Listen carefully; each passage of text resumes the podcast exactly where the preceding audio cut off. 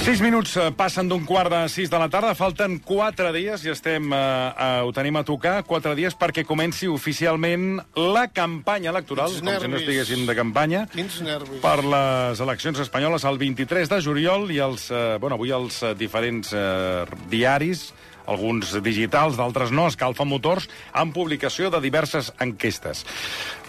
D'aquestes enquestes i del, que, i del dibuix que va mutant cada dia, en parlarem els propers minuts amb l'analista i col·laborador de La Vanguardia, el Carles Castro. Carles, bona tarda. Hola, bona tarda. Què I el periodista i cronista parlamentari Josep Maria Martí Rigau. Josep Maria Martí Rigau, bona tarda. Hola, bona tarda. Què tal? Benvingut. Abans, però, tenim un present pel Carles Castro, que se li ha girat Un petit feina. obsequi, mira quina cara posa, perquè això sí que no Sí, es no, no, espera tenim de cap de les un- maneres. És un petit obsequi, ara explicarem el per què. A veure, eh, pa, passa-li, passa-li. És un obsequi perquè se li, se li gira feina al Gira Carles creiem No només ara, els propers dies. No serà una urna, no? Ni, ni una No. papereta de vot. Bueno, ni... eh, no és una urna, però podria tenir una, Una connotació. una, una connotació Ens han amb, comentat que, numèrica. que ho podries fer servir, que t'aniria bé. obre, Ho puc obrir, eh? Sí, sí, obrir. endavant, Sí, sí, sí. endavant. Hem intrigat aquí li farem aquí un detall per la feinada que li ve a sobre. Sí. Perquè tot serà comptar, recomptar... Sí, mare de Déu. I dic, calla, que... Les, Oi, oi, oi, oi. les, aquestes Sou una mica ferradures. sàdics, eh? Sou No, però és... és eh,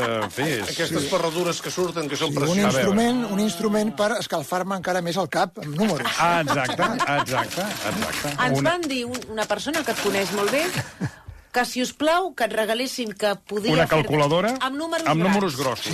Sí, això sí Amb que números grossos. perquè ja començo a tenir una edat que necessito Doncs ja visualitzar bé Doncs els ja números. està, calculadora. Amb la feina que li ve a sobre... Eh, Doncs és la part del versió RAC1. Que res Eh, millor Carles? Moltes gràcies, que eh? tenir ja la calculadora a punt per anar comptant permanentment. El color té alguna connotació política? eh, Res, doncs, El, el color és el que hem trobat, eh? Vermell, No, morat, això, el color és el que hi havia. no, no, no, és, no és, No n'hi havia d'alt. No, no n'hi ha, No n'hi havia exacte, d'altre, no, no vale. té connotació, no té connotació.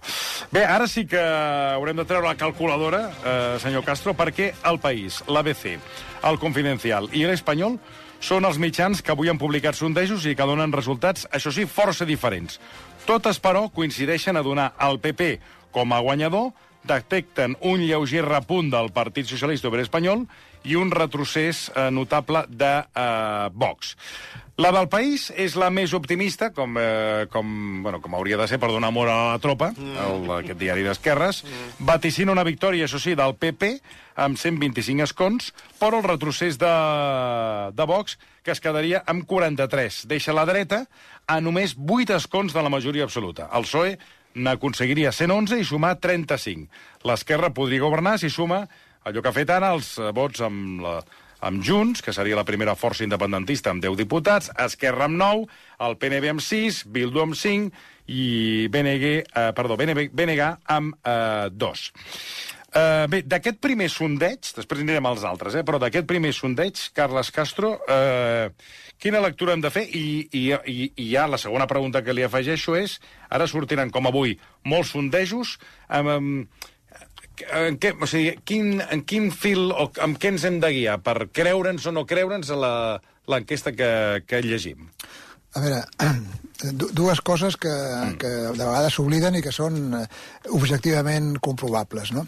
Una, que el PP acabi com a primer partit o el partit més votat no té res d'estrany, perquè si sumem els vots de Ciutadans i del PP del 2019, ja es converteix el PP en primera força, i donat el cas que Ciutadans ja no es presenta, doncs és molt previsible que tots aquests vots que van votar, diguem-ne, amb Ciutadans, PP i Vox, el famós tridente eh, del, del 2019, tridente conservador, doncs és, el més normal és que vagin, diguem-ne, amb, una, amb una marca de substitució. Per tant, mm, això no és cap sorpresa. Eh? Cal veure si el PSOE aconsegueix agarrapar alguna cosa més per l'esquerra, per als nacionalismes, etc. Llavors podria compensar aquesta pujada del PP i fins i tot anar a l'empat que se'n parla amb alguns, amb alguns mentiders i tal. No? Segona qüestió. A veure, eh, aquest resultat que donen, no? aquesta projecció que donen. Bé, si féssim, diguem-ne, un, un càlcul a partir d'això que comentava jo fa un moment, és a dir, que sumessin els vots de Ciutadans i PP del 2019 i eh, ho tornéssim a posar amb el bombo d'unes eleccions com les del 2019, amb la mateixa participació, doncs probablement donarien un resultat potser no exactament igual de 168 escons per la dreta, però sí de més de 160 per la dreta i segurament l'esquerra es quedaria, les esquerres es quedarien amb 150, 150 pocs i tal. Això és per què és? Bueno, primer, perquè eh, el que s'ha contrastat amb les últimes eleccions és que dreta i esquerra a Espanya estan molt igualats. Quan vota molta gent estan a, mm, gairebé empadats a 11 milions de vots. Quan vota poca gent, com el novembre del 2019, mm, sí. doncs es queden amb 10 milions de vots.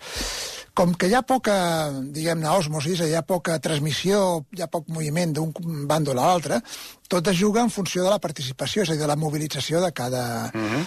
de cada mm, bloc. De cada partit. Exacte. En aquest moment, en aquest moment sembla que el bloc de l'esquerra es comença a animar una mica després de la sotregada de les municipals i tal, no? I hem passat d'un nivell de mobilització del 62%, què vol dir això? Doncs que fa 15 dies o fa un mes, només un 62% dels que havien votat el PSOE al 2019 deien que el tornarien a votar ara. Val? En aquest moment sembla que, ja dic, després de la sotregada aquella i de mm, la reactivació, diguem-ne, de la presència de Sánchez com a candidat i una mica, diguem-ne, el refluxe que està experimentant el Feijó, perquè, a més a més, està pràcticament esmenant el seu propi, la seva pròpia, diguem-ne, mm, trajectòria durant la legislatura, no? acceptant lleis que fins i tot les té recorregudes i tal. Bueno, tot això està portant a que ha augmentat una mica el nivell de mobilització de les esquerres, estem en un 67%, que continua sent baix, però demostra que s'estan despertant, i en canvi la dreta, totes estan força, diguem-ne, mm, aturades en el sentit de que ja estaven molt excitades. Ja no poden créixer més. Excitar-se més. No, estan pràcticament mobilitzats tots. No? Bé, a partir d'aquí què passa? Doncs que, com, el, com els hi dic, l'enquesta del país doncs, s'aproxima una mica a el que podria ser resultat de 2019 amb PP i Ciutadans junts, però encara ens queda veure, perquè el que sí que està clar és que mm. encara hi ha un vot indecis que no sabem què farà i que en funció d'on caigui al final de tota aquesta història, doncs pot, eh, diguem-ne, equilibrar més els blocs. És a dir, que tot i continuant sent eh, la dreta tenint més escons perquè el sistema electoral es beneficia, perquè ells tenen més vots, per exemple, Vox té més vots, tot i que quedi per darrere de Sumar, però té més vots a Sòria, a Segovia, a Àvila, i allà treu escó, mentre que Sumar no en treu res, Sumar treu escons a les circunscripcions més proporcionals i tal, no? I per tant ens podem trobar que, evidentment, continuï, diguem-ne, per davant amb escons el bloc de la dreta, però en canvi amb vots podrien quedar molt més, molt més igualats.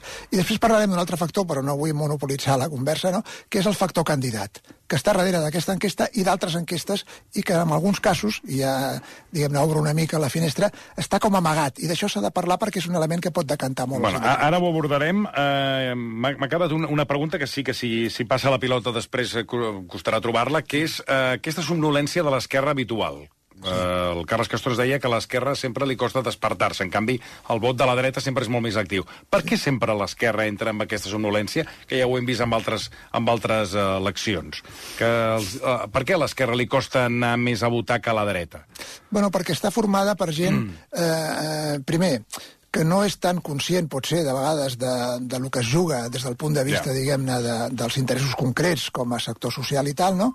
I després perquè ideològicament és un sector més tebi, que només s'excita o s'activa en situacions molt, eh, diguem-ne, molt crítiques.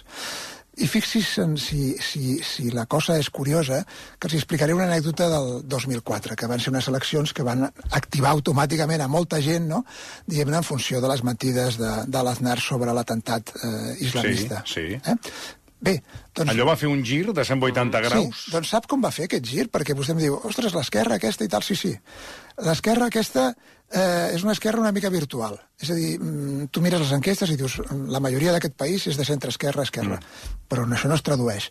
Per què? Perquè hi ha molta gent que no vota i l'anècdota que li volia explicar del 2004 és que jo recordo amb un grup d'amics eh, una parella d'enginyers. No estic parlant d'uns senyors amb, amb boina i esparrenyes, eh? Una parella d'enginyers el dissabte, eh, recordin que sí. això va ser sí. mitja setmana, no? I, i, I dissabte em diuen escolta, això de votar com es fa? Com es fa? Com es fa? En un país com el nostre, que tenim cens automàtic, és a dir, que tu no has d'anar a pagar, com als Estats Units, has de pagar als Estats Units, eh, per, per inscriure't. A França t'has d'inscriure altres països, diguem-ne, tu no pots reaccionar a l'últim moment i dir, ostres, ara vull anar a votar. No, no, no.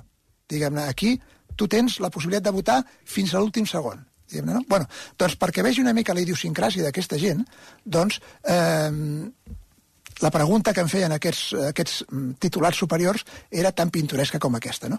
I aleshores, què li vull dir amb això? Home, doncs que és un, un, és un gruix de gent que només s'activa, com dic, en situacions crítiques, que les han de percebre. Amb el 2004 era molt clar, perquè era una cosa molt greu, ara no ho sabem, però li puc dir una cosa perquè vegi fins a quin punt l'activació pot ser, diguem-ne, mmm, sobtada, eh, tipus Jampec, que ho explicava ahir al diari.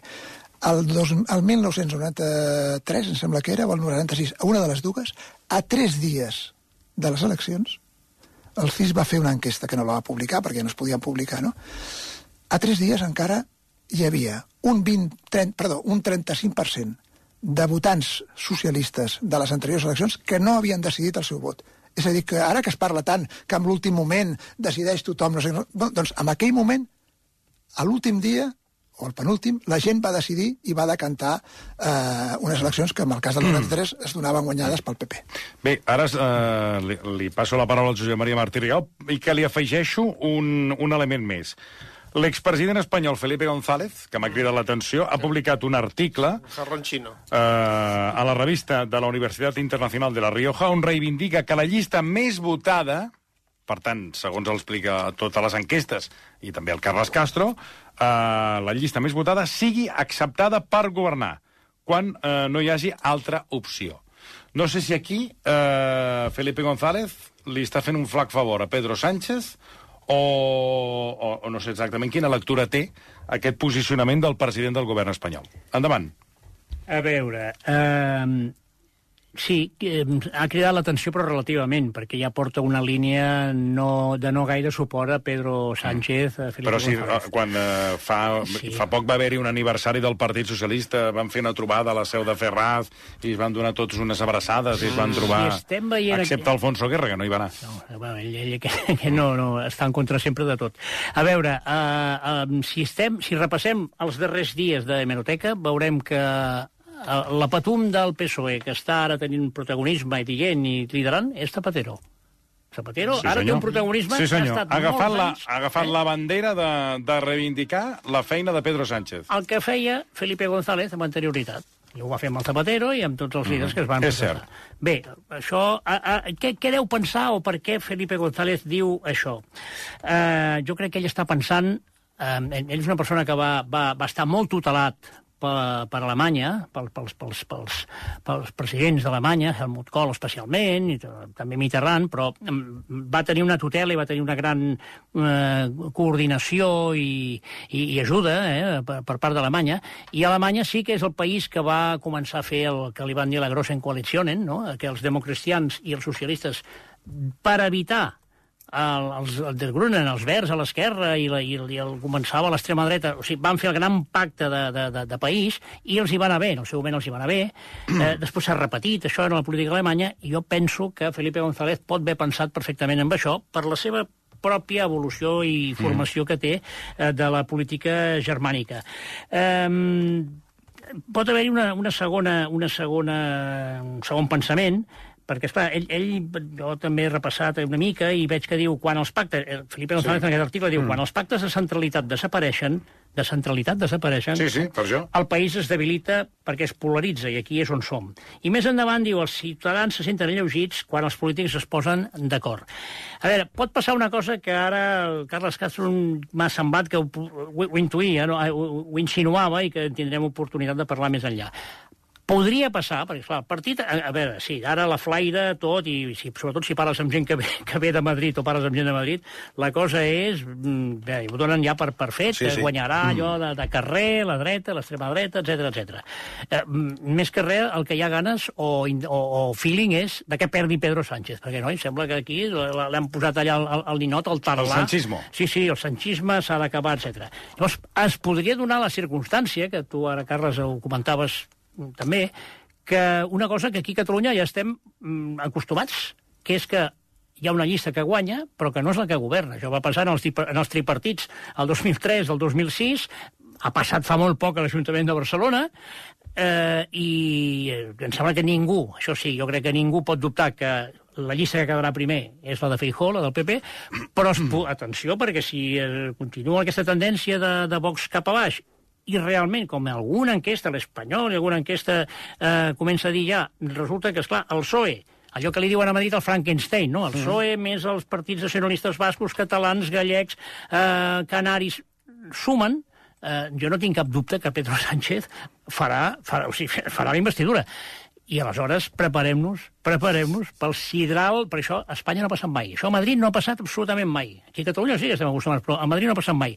Preparem-nos pel soroll político-mediàtic que tindrem, perquè si en aquests moments ja li estan dient, eh, circula el mantra de que Pedro Sánchez preside un gobierno ilegítimo, imaginem-nos si queda segon que això és legítim, queda segon i guanya una majoria parlamentària i és president. O sigui, jo crec que aquestes són les dues possibles eh, raons que han impulsat a Felipe González a dir això. eh, hem parlat de, de la... Disculpa, Carles. Hem parlat de l'enquesta del País, que és la més favorable. Després hi ha la resta que són desfavorables. Eh, Les enquestes de l'ABC i del Confidencial preveuen una victòria clara del Partit Popular entre 132 i 135 escons i Vox, que perd pistonada, entre 44 i 47. Segons l'ABC, la ultradreta passaria de 52 escons a 25-29, per tant és una gran baixada, i en canvi el Confidencial modera la caiguda i situa al voltant dels eh, Vox al voltant dels 45. I volia preguntar-li preguntar, preguntar Carles Castro tot el que ha anat passant aquestes darreres, aquests darrers dies, és a dir, pactes PP-Vox,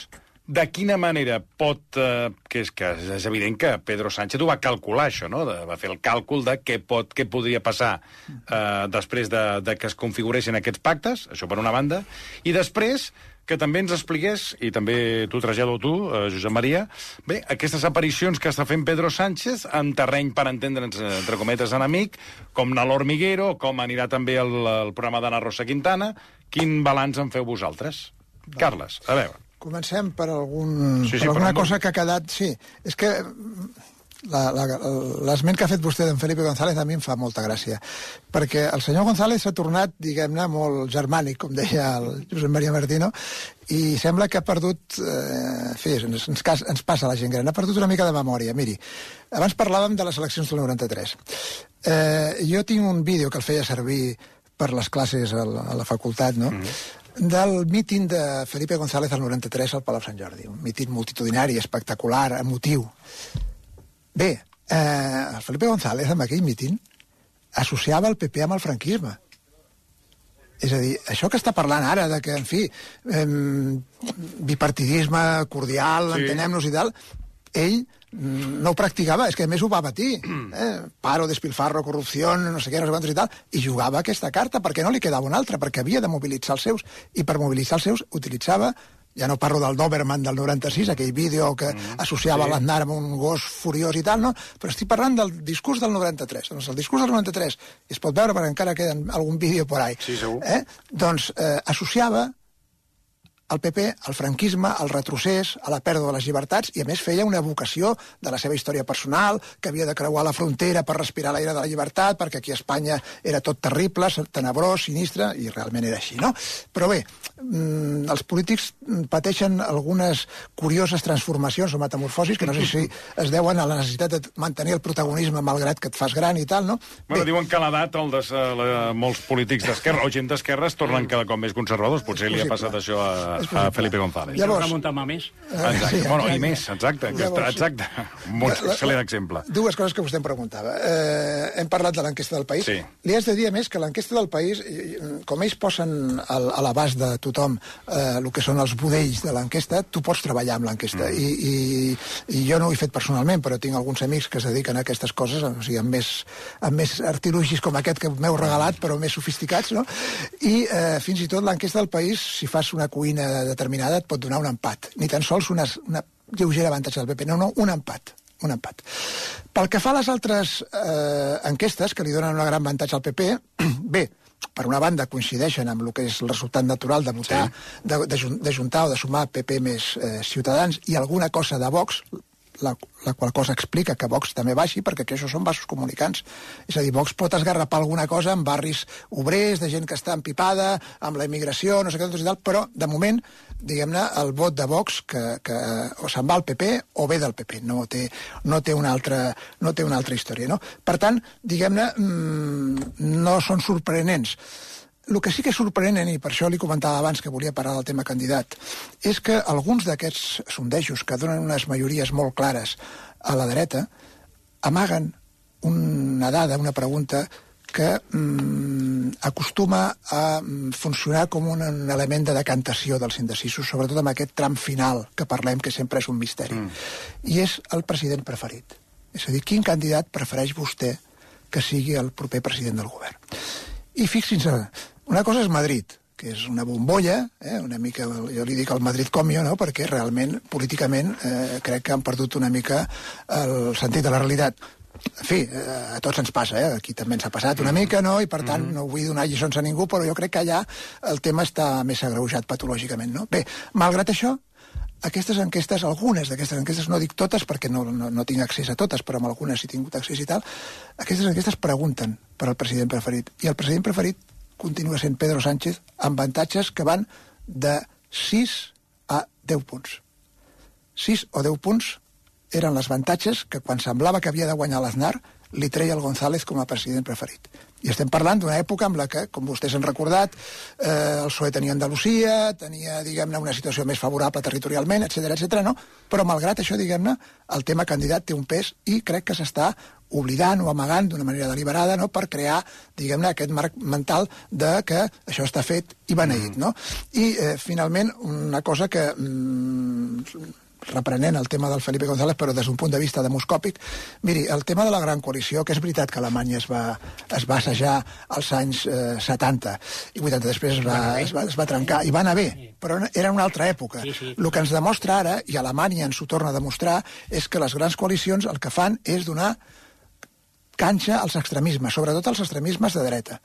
I per això la democràcia cristiana alemanya, que tenia un potencial del 40 i molt per cent dels vots, va treure el 25 i Alternativa per Alemanya, que és una mena de sucursal De neo, neonazi, no? Sí, però neonazi, sí. perquè ja estan tacats directament per, per els crims de l'Holocaust i tal, doncs aquests tios no fan més que créixer. I justament un dels factors que fa que creixin és que, diguem-ne, mm, aquesta mena de govern de concentració deixa els flancs molt oberts per la gent que està descontenta, per Clar. la gent... Eh? Mm. Uh, Josep Maria Martí Rigau, Sí. uh, li preguntava al Carles Castro, bé, aquests pactes PP-Vox, això mm, ajuda a la, al que seria a arribar a la Moncloa per part de Núñez Feijó o pot ser un, un fre? Mira, jo em quedo amb un, amb un titular que va treure l'ABC fa, fa pocs dies que deia «Hemos perdido 15 días de discussiones entre PP i Vox». És evident que l'ABC, igual que la Razón, igual que el Mundo, o sigui, això que ara el Pedro Sánchez està discutint en aquestes visites a territori comanxe mediàtic, eh, que diu el, els mitjans m'han deformat la imatge, saps? I crec que té raó, tot i que Madrid diuen ho fa massa tard. ja. Però bé, doncs eh, si l'ABC o la Razón o el Mundo diuen això, doncs alguna cosa ha d'influir, no? Evidentment. Eh, potser, potser podríem afegir-ho a unes, una, una, una decisió que ha pres el PP que, que a mi m'ha sobtat. Abans d'entrar en parlàvem amb el Carles Castro. Eh, ja hi haurà pocs... De, eh, cara a cara només n'hi haurà, n'hi haurà un, no? I després Això hi ha- dels debats com queda? Perquè abans Sí. sí. els hi preguntava abans d'entrar i no ho tenia clar No, jo. És a jo- dir, queda bueno, un sí. cara a cara únic, Un- un cara a cara, sí. Pedro Sánchez eh, Feijó, Sí. i el debat... Un- una eh, set. Uh, un, on hi estaran els... Un. un. No, però llavors n'hi ha quatre que estan convocats a, a Televisió Espanyola, a la SER, a diferents llocs, de quatre candidats, és a dir, els quatre grans, mm. eh, Abascal, Feijó, són els, aquests són els cridats, no els que hi van, eh? Abascal, Feijó, eh, Yolanda Díaz i Pedro Sánchez. I eh, a mi, a mi com a mi m'ha sobtat que mm, uh, Feijó, aquests quatre, ell no hi va, el PP no hi va. I qui va? Ah, no sé, si, jo no sé si enviarà algú, ell no hi va. Ell ha dit que no hi va. Rajoy ell... va enviar la Soraya, Sí, recordeu, sí, a l'any al seu dia. 2015. Bueno, millor envia Cuca Gamarra. Però entregar-li eh, eh, la paraula, la paraula eh, a, a, a Bascal mm, de, de, del centre dreta, la democràcia cristiana, o de, gairebé de la socialdemocràcia fins a l'extrema dreta, o sigui que la defensa l'hagi de fer com a, com a cap de llista i com a persona destacada. Mm, a Bascal, eh, eh, a mi em sorprèn, a no ser que, que, que, que ell hagi pensat, perquè, escolta, aquí eh, jo cada vegada estic més convençut que aquí no hi ha res que es vagi fent sobre la marxa, està tot pensat, dissenyat, els spin doctors, els, els especialistes, els analistes, i han dit, no, no, no que vagi, perquè, és clar faran conxorxa eh, la, la, la Yolanda i el, i, el, i el Pedro Sánchez, i, i ara la Bascada el matxacaran, llavors li sortirà el Ardor Guerrero i quedarà... Això pot ser que ho hagin pensat, eh? I quedarà de manifest que no, no, no... Que, que el moderat és, ah, exacte, que el moderat és el PP. Eh, o sigui, és que estan passant coses, perquè també parlava, la, la pregunta també, escolta, aquests debats que vagi sí. amb... És, és, és tot, tot plegat, és, eh, o sigui, estranya molt, perquè eh, fins ara no havia passat. No és que sigui estrany, però no havia passat. I, a més, veiem que, de, per exemple, avui ha, anat Rosa Quintana i ha anat a Feijó, si mai no... Mm. I demà hi va... Pedro Sánchez. Setmana passada, mm. a un altre territori host, hostil, entre cometes, mediàticament, sí, sí. com és l'Hormiguero, que mirem que són programes que no són polítics, a més, no són sí, programes sí. polítics. Uh, I va anar, també, eh, primer hi va anar, anar un i després hi va anar, en aquell cas primer Pedro hi va anar Pedro Sánchez, Sánchez i, i després hi va anar Fijo. I els equips de campanya, dels talls de veus d'aquests eh, programes, es distribueixen a tots els mitjans i és, és la part fonamental, no, no són els mítings. En aquest, fins ara no són els mítings. A més, veiem les imatges dels mítings i va poca gent. Eh, és això, es viu d'això, i això no havia passat mai. Això per mi és una... És, a, a nivell de, com, com a professional, mm. com tots els aquí presents dels mitjans de comunicació, crec que, que és, és positiu aquest protagonisme, però això no havia passat mai tampoc. Aleshores, eh, esclar, estan passant coses molt estranyes. I després també m'agradaria dir dues cosetes. Eh, la, ja ho has comentat també el Carles Castro abans, la participació és molt important. Mira, avui, eh, l'última dada que hi havia aquest matí matí és que havien demanat el vot per correu 1.700.000 persones. A dia d'avui, a dia d'avui. I això és que és un rècord històric. Això vol dir... Què vol dir? Això apunta, no sé, ja veurem què passa, però apunta que hi haurà una participació elevada i això sí que eh, pot ser molt diferent, o pot ser diferent, als resultats de les... Bueno, aquí també hi ha un factor que molta gent no hi serà i, clar, els enganxa de vacances i voten per correu. Però el cas, és que, però el cas és, no, no, que, és que eh? votaran. Sí, sí, I, això, I a les municipals mm. va ser baixa, la participació va ser baixa. I després m'agradaria recordar mm. molt ràpidament mm. també les eleccions del 96. L'any 96 eh, són aquelles que varen acabar amb un, dos titulars. La amarga victòria i la dulce derrota. La amarga victòria va ser la d'Aznar per només 300.000 vots a Espanya, quan no, les enquestes, el dia que començava la campanya li donaven 15 punts d'avantatge i una majoria absolutíssima, i la marga i la dulce derrota va ser la dels socialistes, que eh, s'esperava una desfeta, i al final, amb 15 dies de campanya, amb 15 dies de campanya, noi, les coses van anar tombant. Jo aquella campanya, a més, la, la, estava a Madrid i vaig seguir la campanya del PSOE. I a partir del primer cap de setmana, la gent en els mítings es va començar a transformar, que cridaven allò de Felipe Machote, arranca-li el bigote, el bigote de l'Aznar, clar. I, i, I com es va anar motivant la gent? Sí, sí, i, i, i, i, el, i el PP a posar-se nerviós, i al final va guanyar el PP, però per poquíssim, tan poquíssim, que va haver de fer govern eh, amb el suport de Convergència i del PNB. A veure, Carles, eh, sobre diferents qüestions. Eh, les participacions dels polítics, que això ho teníem poc vist, és molt, eh, molt anglosaxó, anar a programes de, com de, del late night, no? o programes d'entreteniment, de, que això ho estem veient ara amb Anna Rosa i Pablo Motos, i després eh, li volia preguntar, bueno, aquests debats que vindran ara, fins a quin punt mobilitzen un vot o no mobilitzen res, o què... És a dir, per què serveixen? Sí, a veure, dues coses i una que, que és veritat que no, li he respost, perquè vostè m'ha preguntat no, també... No, perquè li pregunto tantes coses alhora que la tabalo. Bueno, no, no. Ah, aquest és el problema. Bé, bueno, és, és la seva Però feina. Però com que tinc, tinc poc temps, dic, vaig no, a doncs, li vaig doncs, col·locant aquí material. Doncs anem, anem, anem ràpids. Una, el tema dels pactes. Eh, crec que amb, amb, amb una anterior compareixença que vaig tenir en aquest programa ja vaig comentar que, que d'alguna manera les eleccions municipals i autonòmiques s'havien convertit en una mena de fusible un, o una senyal d'alerta, no? És a dir, que eh, eh, transmet, transmetien o traslladaven, diguem-ne, al votant mitjà, no?, les conseqüències de quedar-se a casa, no? Però, a més a més, la, la, la, la, la, aquest, diguem-ne, efecte eh, es, es fa més gran a través dels pactes, perquè els pactes visualitzen el que pot ser, diguem-ne, un acord PP-Vox a nivell estatal uh -huh. amb personatges, diguem-ne, eh, al capdavant del govern, eh, com a mínim estrambòtics, com uh -huh. hem vist doncs, amb la presidenta de les Corts Valencianes, crec que l'Aragó també és un altre personatge d'aquests que el Pedro Sánchez va dient molt malèvolament, no sé de on ha salido esta gente i tal, no? És a dir, bueno, tot això són elements que, evidentment, contribueixen a despertar aquest votant que vostè molt bé reflectia com un votant, diguem-ne, eh, que es, es, dorm, es dorm fins al final... Mm. Sí, que s'activa al final, és una pràcticament mica, al final És una mica gandul, si em permet Sí, eh, ah, l'expressió Ah, poc, eh, poc correcta i poc cordial. No? Però llavors, diguem-ne, aquests pactes i les seves conseqüències, sobretot aquests personatges estrambòtics, tenen aquest efecte despertador, d'alguna manera. No? Veurem en quina mesura. Dos, tema eh, participació en programes eh, també una D'entreteniment. mica estranys. Bé, eh, crec que era el Jordi Évole que, que en un article a La Vanguardia deia que estava observant una resurrecció de la televisió i, i m'imagino que també de la ràdio, no? Mm. Eh, davant d'aquesta mena de, de, com els hi diria jo, de, de, de, de miratge, no? de que, en fi, tot ara passava per les xarxes socials. Eh? Com si la gent de més de 60 anys es dediqués tot el dia a les xarxes socials, quan són gent que són gent que més demogràficament tenen molt de pes i que a més a més el que veuen és la televisió. Llavors què passa? Que evidentment els programes clàssics de política són avorrits, però hi ha un nítxol aquí, hi ha una finestra d'oportunitat que són aquests programes de- de- d'entreteniment, de, de, de, de diversió, de, de fi, una mica lleugers i tal, no? I aquí és on han vist, diguem-ne, que hi ha una manera d'arribar a la gent molt més eficaç. Primer, que els mítings que pots, diguem-ne, transmetre un tall al telediari de Tor, que ja no se'l mira molta gent i tal, no? Perquè així sí que hi ha diguem-ne, un efecte pervers de les xarxes socials. I és que la gent s'ha acostumat a seleccionar, a triar les notícies en funció del que vol escoltar. I aleshores, clar, tu no tens com a Gran Bretanya la, la BBC, no? que és un mitjà absolutament neutral, mm. que et dona totes les veus i tal. No? Aquí no. Aquí, diguem-ne, la gent, eh, com a molts països, s'està acostumant a escoltar les notícies eh, amb aquell mitjà que li explica la realitat com li agradaria, com li agradaria que fos amb ell i tal. No?